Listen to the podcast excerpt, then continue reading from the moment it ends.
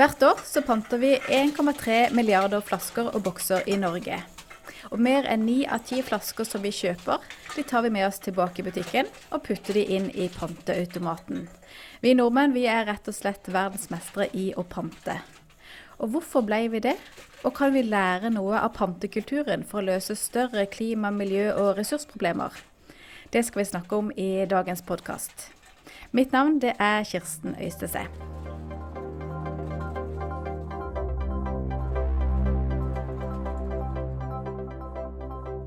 Og gjest i dag han er professor i miljøhistorie ved Universitetet i Stavanger. Finn Arne Jørgensen, velkommen. Takk for det. Du har en doktorgrad i teknologi og vitenskapsstudier ved NTNU. Og du har rett og slett skrevet en eh, doktoravhandling om panteautomatens historie. Og før vi går inn på historien, kan du bare forklare når og hvorfor ble du så fascinert av panteautomaten? Jo, det har seg jo sånn at jeg var på jakt etter et tema å skrive doktoravhandling om, uh, når jeg gikk i gang med å søke om, om, midler til det. da. Og jeg visste jo at jeg var på jakt etter en teknologi som var si, et kulturelt rikt objekt.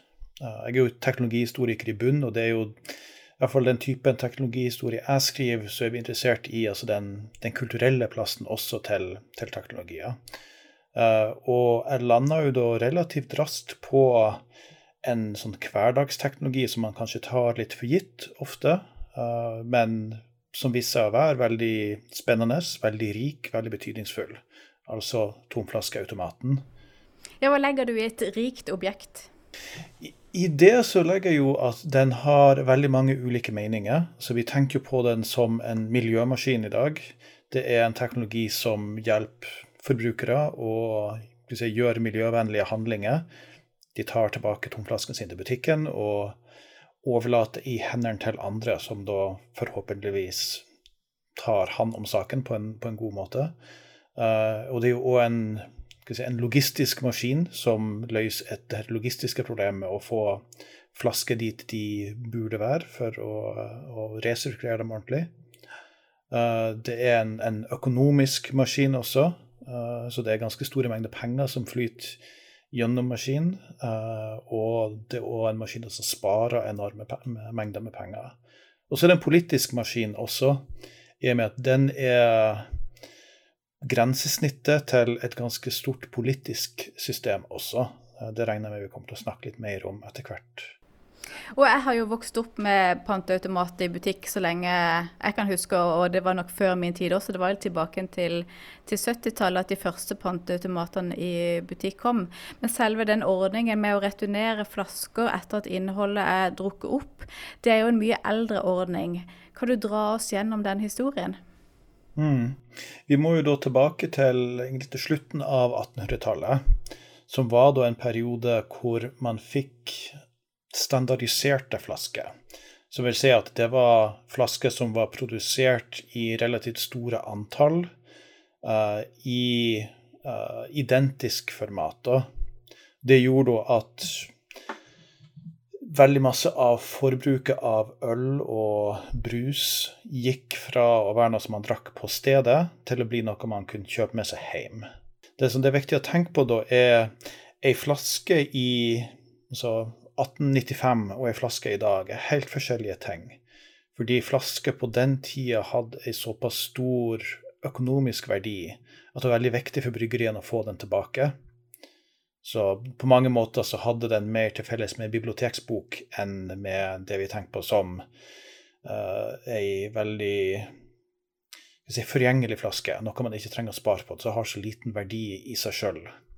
Men, men, på slutten av 1800-tallet var det helt annerledes. Er derfor man introduserte den panten, for å sikre seg at folk tok med flaska tilbake etterpå, så den kunne vaskes og brukes om igjen. Så der starta vi da uh, det gjenbrukssystemet. Det var ikke resirkulering først og fremst da, men det var gjenbruk det var snakk om. Hvor ei flaske kunne brukes 20-30 ganger uh, før den ble uh, knust. Og det var den blitt såpass sliten at de knuste den, og enten lagde ny eller smelta den om da til, til nytt glass. Så det var rett og slett fordi at det var en såpass verdifull ting, denne tomflaska, at vi, vi fikk ordninger med at de ble levert tilbake igjen. Ja.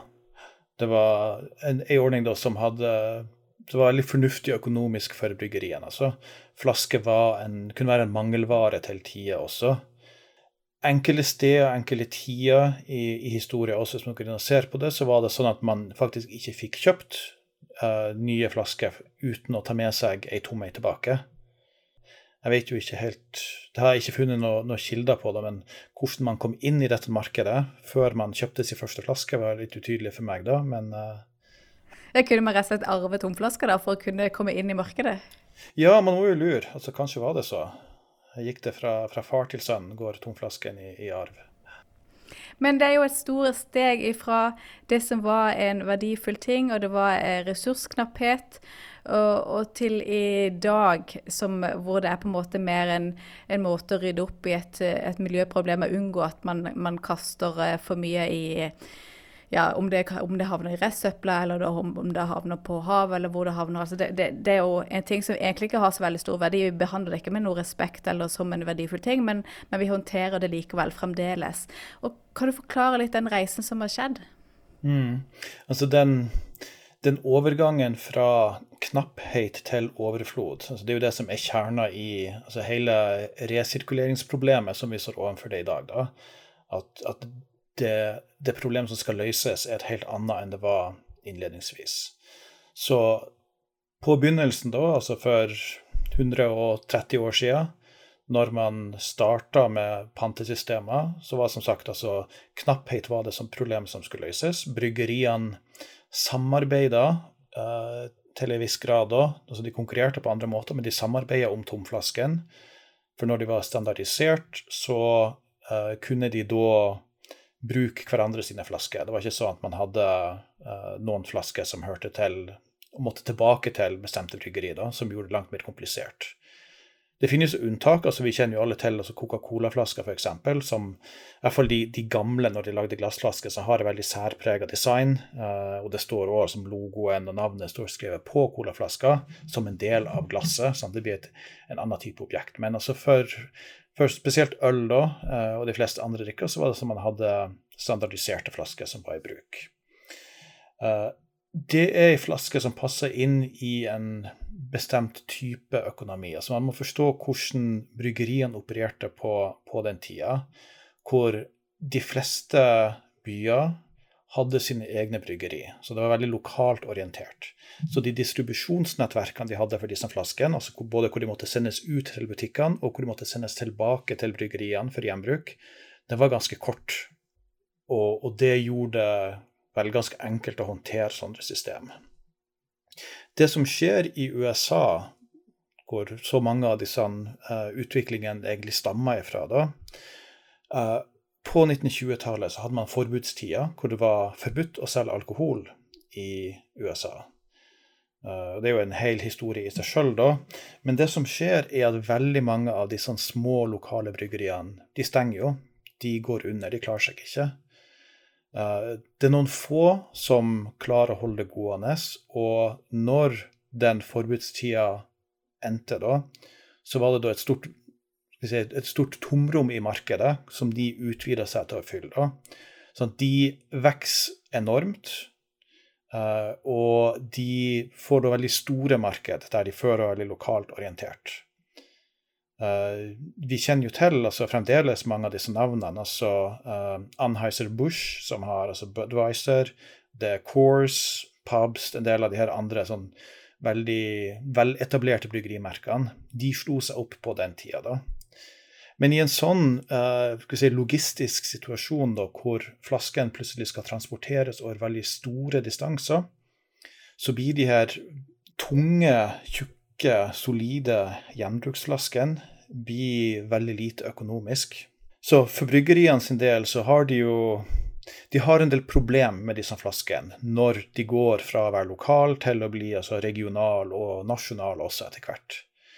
Uh, og de starta da en prosess hvor de leita etter alternative innpakninger til drikkene sine. da. Uh, så en av de er jo å begynne å se på bokser. Så du jo, så Før du får aluminiumsboksene som vi bruker i dag, så gjøres det forsøk med liksom andre materialer også. da. Spesielt andre verdenskrig kommer inn der da, hvor amerikanerne sendte ganske masse drikke, altså Coca-Cola spesielt, ut til soldater. Uh, og da bruker de bokser, først og fremst. Så man får da en, en, generasjon med folk som blir vant til at drikke kan komme på bokser. Og så, etter krigen, da, da eksploderer jo forbruket uh, over hele verden. Uh, I hvert fall den vestlige verden, ser man. Uh, man får en ny tidsalder som er i veldig stor grad basert på mobilitet, altså med privatbilisme, det er fritid, det er forbruk, det er frihet. altså Alle de her tingene henger sammen. da. Uh, og det å ha en, en kald, forfriskende drikke i nærheten blir jo en del av dette også. da. Så en del av det moderne livet på et vis det blir å ha tilgang? Det, det er en del av det moderne livet, ja. Så hvert fall det moderne livet som det var den tida, altså framtida, var veldig uh, si, håpefull. Uh, det gikk alle pilen peka oppover, alt så veldig fint ut. I hvert fall for, for mange, da. Uh, så man får da dels altså de her boksene som folk begynner å forsøke med, og så får man òg engangsemballasje.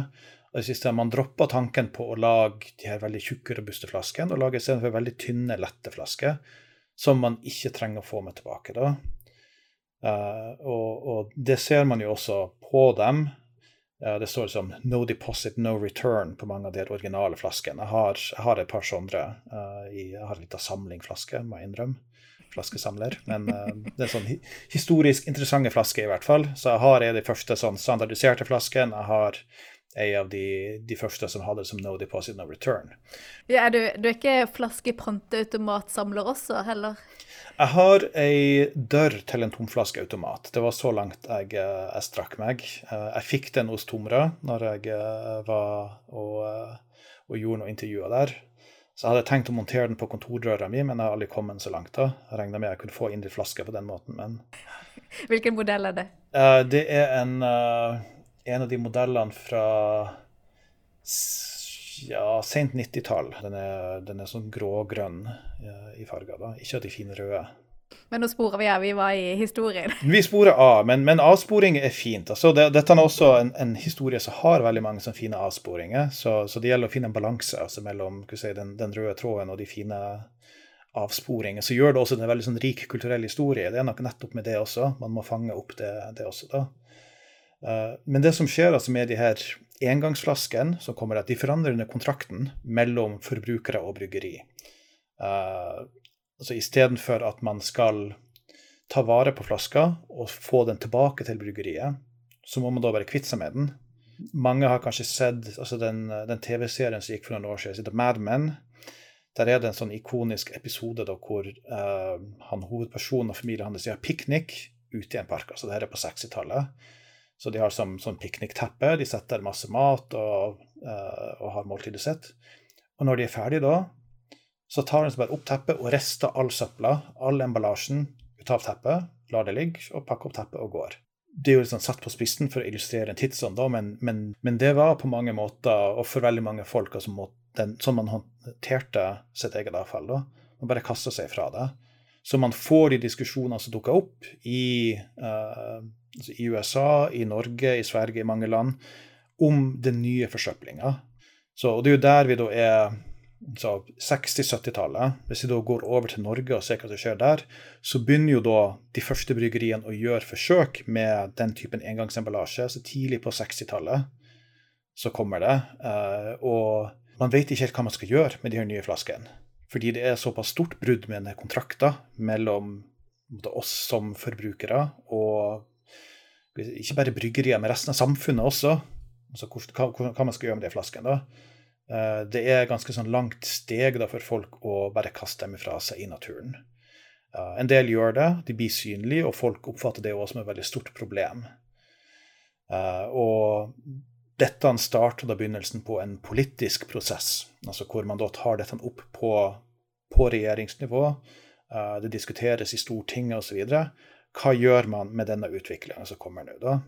Uh, til å begynne med så har man en si, alvorlig samtale med bryggeriene og får dem til å, å holde seg til de gamle gjenbruksflaskene, som det fremdeles er ei bryggeriorganisert panteordning for. Så det er bryggeriene som sier at disse har fremdeles en verdi for oss, så Uh, hvis dere betaler inn pant, så får dere panten tilbake når dere leverer inn flaska igjen.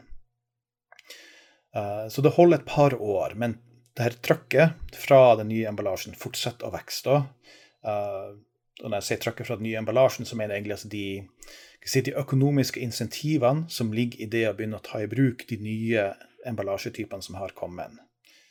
Og da får man da en, en situasjon hvor staten sier at nei, dette, dette holder ikke lenger, vi må få uh, en ny pantelov på plass. Altså Istedenfor at man, man lot bryggeriene bestemme sjøl, så sier man nå er det faktisk en, en, nasjonal lov at man skal ha pant på flasker.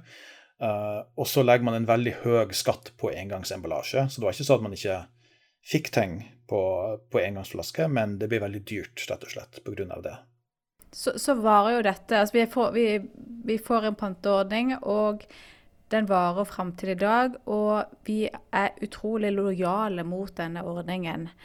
Hva kan forklare at panteordningen er blitt en sånn suksess i Norge?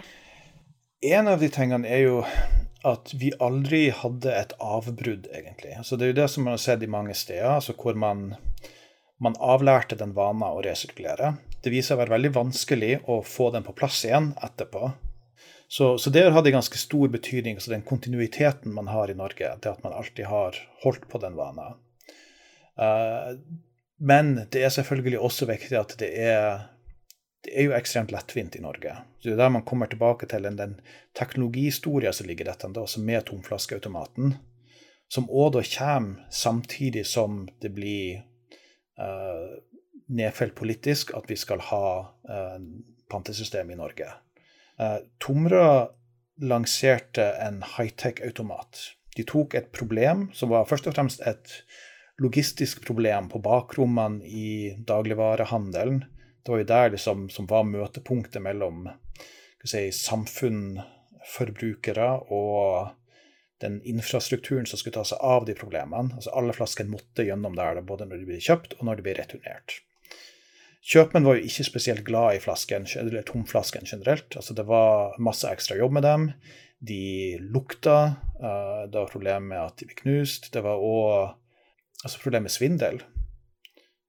Hvor barn ofte, eller andre, vil ofte snike seg inn på bakrommet og stjele flasker og pante de på nytt. Sånn at de må betale pant flere ganger på dem osv. Det finner man utallige historier på, uh, eksempler på sånt. da. Så, så, det som skjer da, er jo at de Tomra, som startes av to brødre, eh, Petter og Terje Planke Så Petter er selgeren, og Terje er ingeniøren. Eh, så det er en veldig god kombinasjon der.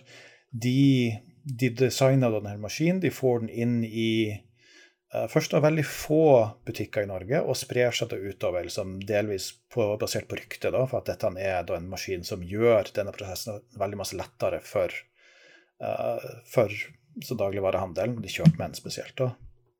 Så her har du jo både politikken, eh, du har industrien som har sine insentiver, men så har du også vi forbrukere, for dette hadde jo ikke funka hvis ikke vi var med på det. Og mer enn ni av ti flasker de, og, og, bokser de leverer vi tilbake den dag i dag. Selv om du kan si at eh, panten, altså to kroner eller tre kroner for en flaske, det er jo ikke all verdens. Hva er forklaringen på at vi, vi er så lojale og leverer stort sett alle flasker og alle bokser tilbake igjen?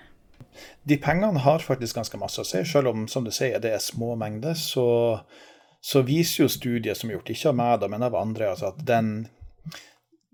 den ekstra, det ekstra lille insentivet som finnes med de pengene, eh, er nok til å gi sånn solid løft da, til eh, returandelen. Det vi ser, er liksom at de mest effektive stedene som ikke har eh, pant, de som de klarer kanskje å nå en 60% resirkulering, altså det er når alt flyter som det skal. da. Mens i Norge igjen så er vi liksom oppe i sånn 95-98% glatt. Og du har en del eksempler. så sånn Milliardæren Trygve Hegnar panta jo sine flasker. så Det er sånn historie som går, som man ser i, eh, eller som man så i avisene tidligere. i hvert fall. Og Han sa jo også at ja, men det handler jo om penger. Selvfølgelig resirkulerer man. Det at barn eh, er jo ofte ganske ivrig på det å samle inn flasker for å få litt, litt ekstra. eh, lommepenger. Det, det, gjorde jo jeg, og sikkert du også i barndommen òg, da. Samle en flaske som kunne få til litt godteri. Uh, man har veldig mange steder, altså som heimeløse og andre folk, fattige, samler også flasker. Uh, I USA er det veldig tydelig, altså hvor si, flaskesamling og flaskepanting har blitt veldig Det har blitt en sånn lavklasse, lavstatusting? Det er veldig, veldig, klassedelt. Mens i Norge så har man jo ikke det. Altså, er sånn, dette er noe som alle gjør. Uh, og det tror jeg er ganske viktig også, at man, man klarer å holde på, på den tingen. At det ikke blir noe som bare bestemte typer folk, som man har sortert i visse kategorier, uh, kan gjøre. da, Men at dette er noe for, for alle.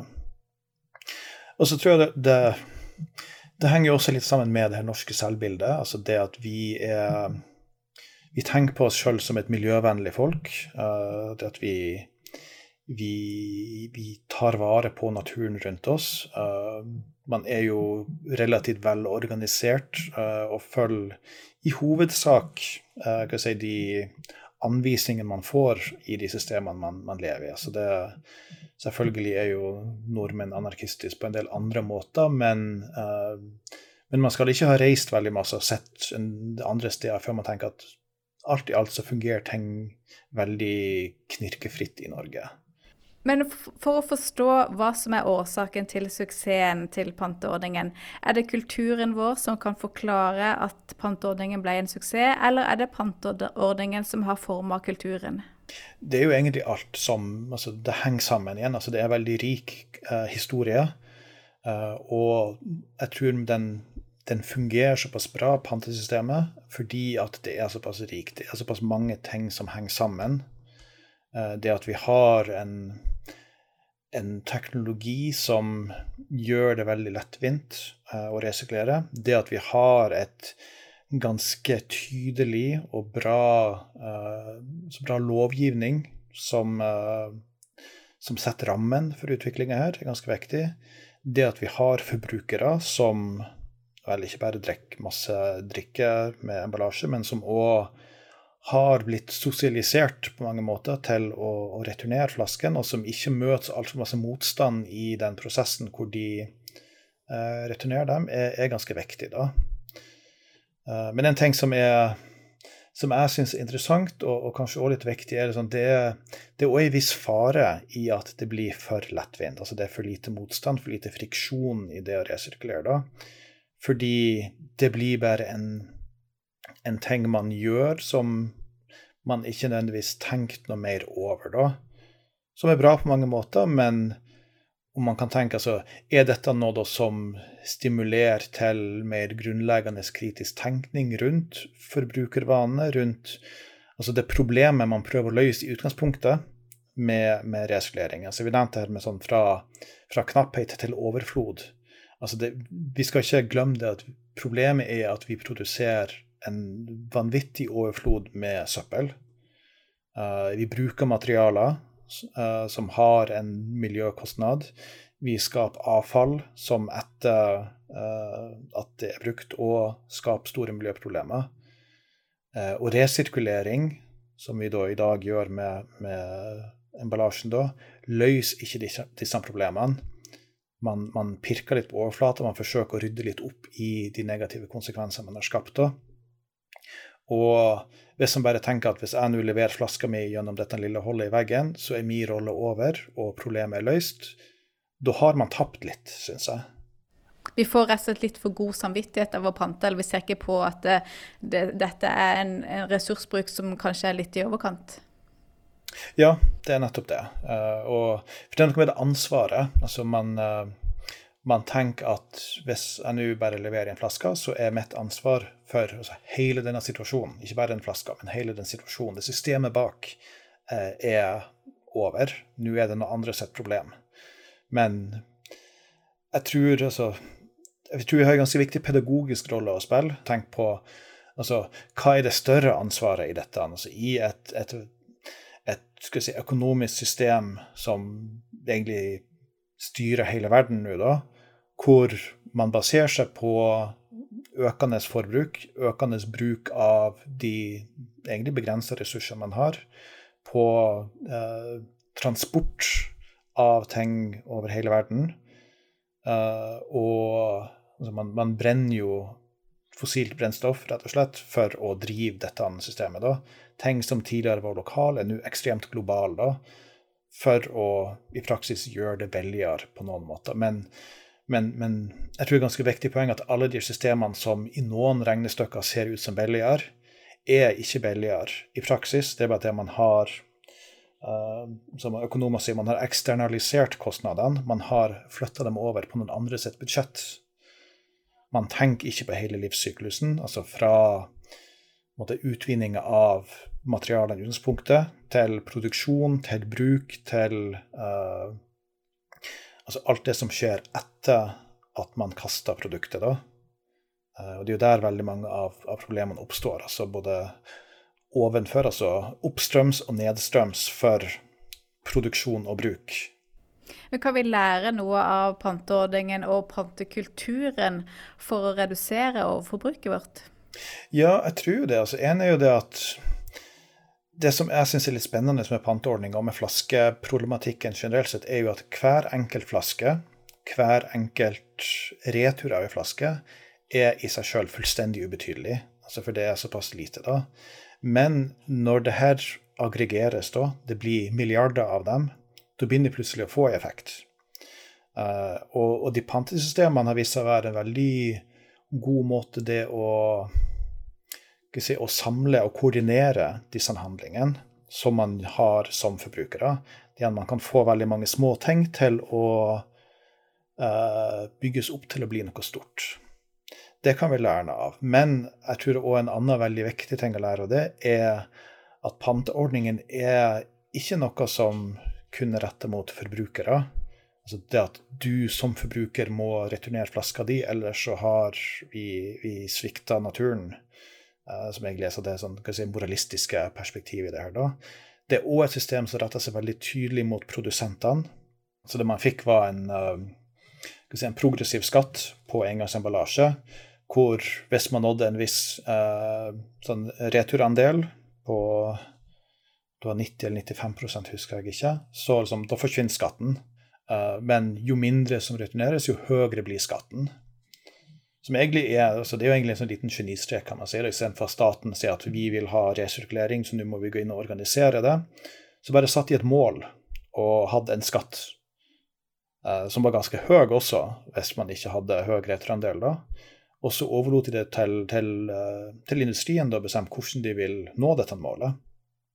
For der, der ser jeg generelt, altså med veldig mange miljøtiltak, uh, at man ofte havner på individnivå. Altså dette handler om hvordan du som forbruker kan forandre dine verdier og dine handlinger. Og det er vel og bra, men det er liksom ikke tilstrekkelig. Igjen, vi må sette fokus på andre uh, steder i produksjonskjeda til uh, de produktene vi omgir oss med. Så at bedrifter, næringsliv må stilles til ansvar. Uh, man må gå oppstrøms, tenke på utvinning av mineraler, altså de, de tilstandene som disse blir til under da. De forholdene for arbeidere, og det samme også nedstrøms. Altså, for å klare det, så må man, liksom, man må tenke globalt, for ingen av disse tingene skjer lokalt lenger. Men hvis vi skal lære av suksessen her, da, så har vi, vi har politikken som var på plass. Vi har ansvarsfordeling. At dette handler ikke bare om at det, det er min jobb og det er din jobb å pante flasker, men det er også produsentene har et, et ansvar her. Eh, klarer vi å flytte den suksessen og lærdommen fra det over på mer krevende systemer, når vi snakker om hvordan skal vi fase ut fossil energi, hvordan skal vi legge om transportsystemene, hvordan skal vi få ned total ressursforbruk? Mm. Ja, jeg tror det er en del lærdommer man kan ta. Man kan ikke kopiere sånn enkelt og greit og, og ukritisk fra et system til et annet, fordi altså, som jeg snakka om, det er såpass mange sånn særegenheter eh, og spesifikke ting med altså, de, dels de problemene man håndterer, de materialene man håndterer, de, de rammene man er innafor, altså rent altså, nasjonalt sett også, da, som er ganske viktig for å få pantesystem til å fungere. Uh, jeg har vært med på litt arbeid for å, å, forsøke å se hvordan kan man overføre de lærdommene fra, uh, fra flaskepantsystemer til andre problemer. Uh, sammen med en gruppe forskere ved, ved Nordlandsforskning så har, så har, jeg vært med på en artikkel hvor vi da uh, undersøker muligheter for å bruke uh, pantesystemer for å samle inn uh, avfall fra fiskeri og sånt. For det er noe som fiskere veldig ofte kommer over når de er på sjøen. Det havner i garnene deres, eller de, de, finner dem på andre måter. da. Uh, hvor det jo da er også i deres interesse for at de samler det her inn, og sånt, men det har vist seg å være veldig tungvint uh, å gjøre. Det kan være ganske dyrt for dem, altså, uh, osv. Så, så det å gjøre det enklere, det å gjøre det mer fornuftig for dem også rent økonomisk sett, og å samle inn den type avfall de kommer over, og levere det inn, uh, er, er, fornuftig. da. Men, men, der må man jo få på plass altså bedre mottaksapparat på, uh, på havner og sånt. Der finnes det veldig lite i dag. Uh, man må tenke på hvordan det skal finansieres, som igjen vil være altså f.eks. gjennom en avgift hos produsentene av, av fiskeriutstyr. Det som gjør dette komplisert, er jo det at mens si, bryggerimarkedene forholder seg til nasjonale grenser, og kan i stor grad gjøre det, så, ikke, så eksisterer egentlig ikke den type grenser på havet. Fordi uh, avfall beveger seg ganske fritt i verdenshavene, vet vi jo, og ender opp på veldig andre steder enn der det stammer ifra. Sånn det å, å tenke altså, eller Produsentansvar der kan være veldig krevende. Fordi produsentene er ikke alltid noen folk man, eh, man, kan få tak i. Man kan ikke stille dem til ansvar. Og da må man jo igjen tenke altså, hvordan kan man få globale eh, samarbeidsavtaler på, på, disse tingene. Da? Det er jo det som trengs for å håndtere mange av de problemene. Da. Og sånt viser seg å være ekstremt krevende. Men når dere har skrevet en artikkel om dette, ser dere at det, det er mulig å få til? Vi ser at det er en del ting det, det er mulig å lære, uh, i hvert fall. Uh, som jeg tror det kan være grunnlag for noen prøveordninger, i hvert fall. Det er i hvert fall noe av det vi, vi foreslår i, i, den teksten. da. Nå er den ikke publisert ennå, så vi får se om andre er enig med oss uh, i det eller ikke. Men vi har lansert det som en idé, i hvert fall. Er det andre miljø- eller ressursproblemer som kan løses med en, en panteordning eller et tilsvarende system? Altså, vi har jo den type sånn grunnleggende løsninger på ganske mange ting. Altså Småelektronikk, f.eks., uh, som vi har i heimen, finnes det jo uh, den type retursystemer på, som er organisert på en litt annen måte. Igjen, altså det er produsenten som betaler avgift. Uh, og så kan vi som forbrukere levere tilbake produktene de, på de stedene der vi kjøper dem. Uh, og den avgifta som er betalt, i utgangspunktet er noe da som skal sørge for at produktet tas hånd om på en forsvarlig måte etterpå. Uh, så der, der, har man jo det, da. Men altså, selvfølgelig, det finnes en del store grunnleggende problem som, uh, som vi må takle. Altså, det handler om altså, det å avvenne oss fra fossile brensler uh, er ganske viktig. Kan vi lære noe av, av panteordningen der? Uh, usikker. Jeg tror nok at det vi, det vi grunnleggende kan lære, er jo noe av det å få til det, det samarbeidet mellom uh, produsenter, mellom politikere, mellom forbrukere, uh, for å få til det. Uh, den rolla som gode teknologier kan ha, samtidig som man ikke ser seg blind på teknologier. Altså, ingen av disse problemene lar seg løse utelukkende ved, ved teknologiske løsninger. Man må tenk verdier, holdninger, normer, vaner også hos folk. Og hvordan man kan få med seg det. Og det er jo et veldig komplisert landskap, altså hvor man må dels forstå altså hvorfor folk gjør som de gjør. Uh, hvordan vil de påvirkes av de tiltakene man går i gang med, osv. Så, det er veldig viktig altså med, med, humanistisk og med samfunnsvitenskapelig forskning også, at man ikke ser seg blind på altså, teknologisk innovasjonsforskning for å altså, løse de store problemene.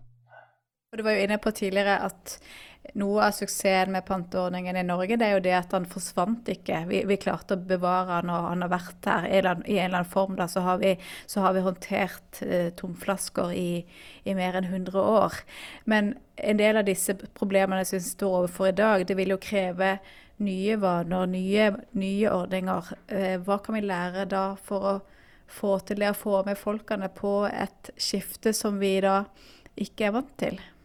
Jeg tror nok én ting man kan, kan, lære, er jo altså den, den, hårfine balansen mellom friksjon, altså det å, å stilles ovenfor konsekvensene av sine egne handlinger, uh, og det at det skal være lettvint.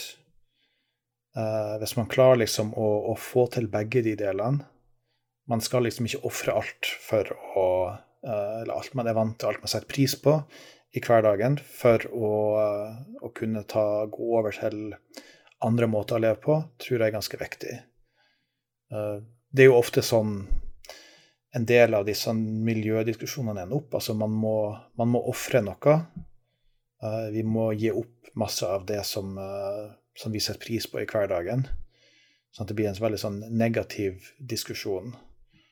Uh, og jeg tror nok at for å kunne lykkes, så må man jo kunne vise også hvordan nye måter å organisere samfunnet på faktisk bidrar med noe positivt. Hvordan det kan bidra til å videreføre uh, en del av de grunnleggende tingene man setter pris på uh, i måten vi lever på i Norge. da, Og ikke de overflatiske tingene.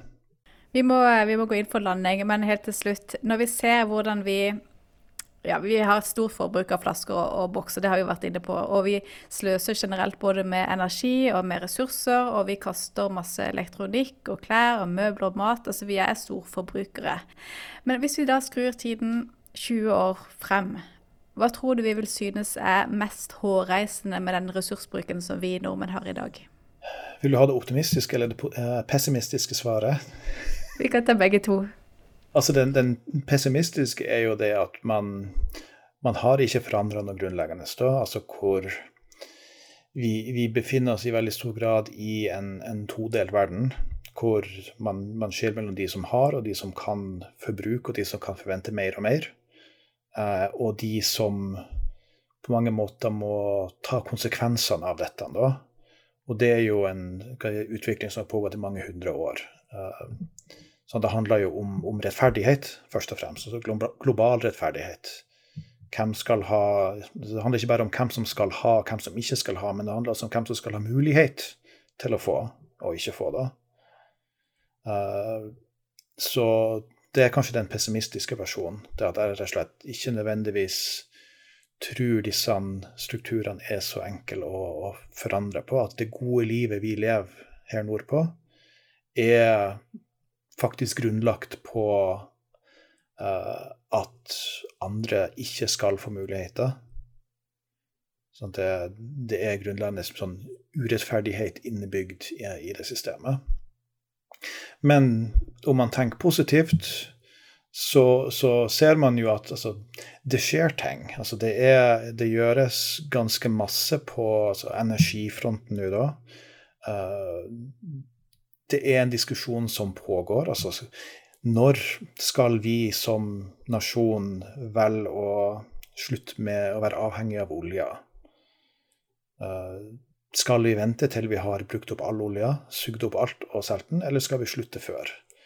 Jeg har et visst håp om at vi skal klare å slutte før. Det at vi skal klare å få opp nye bransjer, nye måter å produsere energi på, som er tilstrekkelig lønnsom, effektiv uh, og miljøvennlig til at det, altså den overgangen er uunngåelig. Vi er ikke helt der ennå, men det er, det er, veldig mange spennende forsøk uh, og initiativ på gang da, som, uh, som gjør meg til viss grad håpefull. Skal vi ta med oss både litt av det pessimistiske og det optimistiske for å holde en viss balanse, ikke miste motet, men, men likevel forsøke å gjøre en innsats? Definitivt. Og jeg tror nok skal vi være ordentlig optimistisk, så må vi hele tida ha det pessimistiske i baktankene. Altså at dette er noe vi faktisk må gjøre noe med om vi skal kunne klare å realisere noen av de optimistiske visjonene. Da sier jeg tusen takk for praten. Veldig kjekt å starte med panteordningen og se hvilken, hvilken vei det kan ta samtalen som sagt, et veldig rikt objekt er det. Det, det er veldig masse som rammes innenfor der. Da. Men takk for at jeg fikk komme og snakke om dette. Det, det er alltid spennende å, å, gjøre det. Fint. Takk skal du ha. Takk også til eh, du som lytter på. Husk at du kan eh, abonnere på Energi og klima i din foretrukne podkastspiller. Takk for i dag.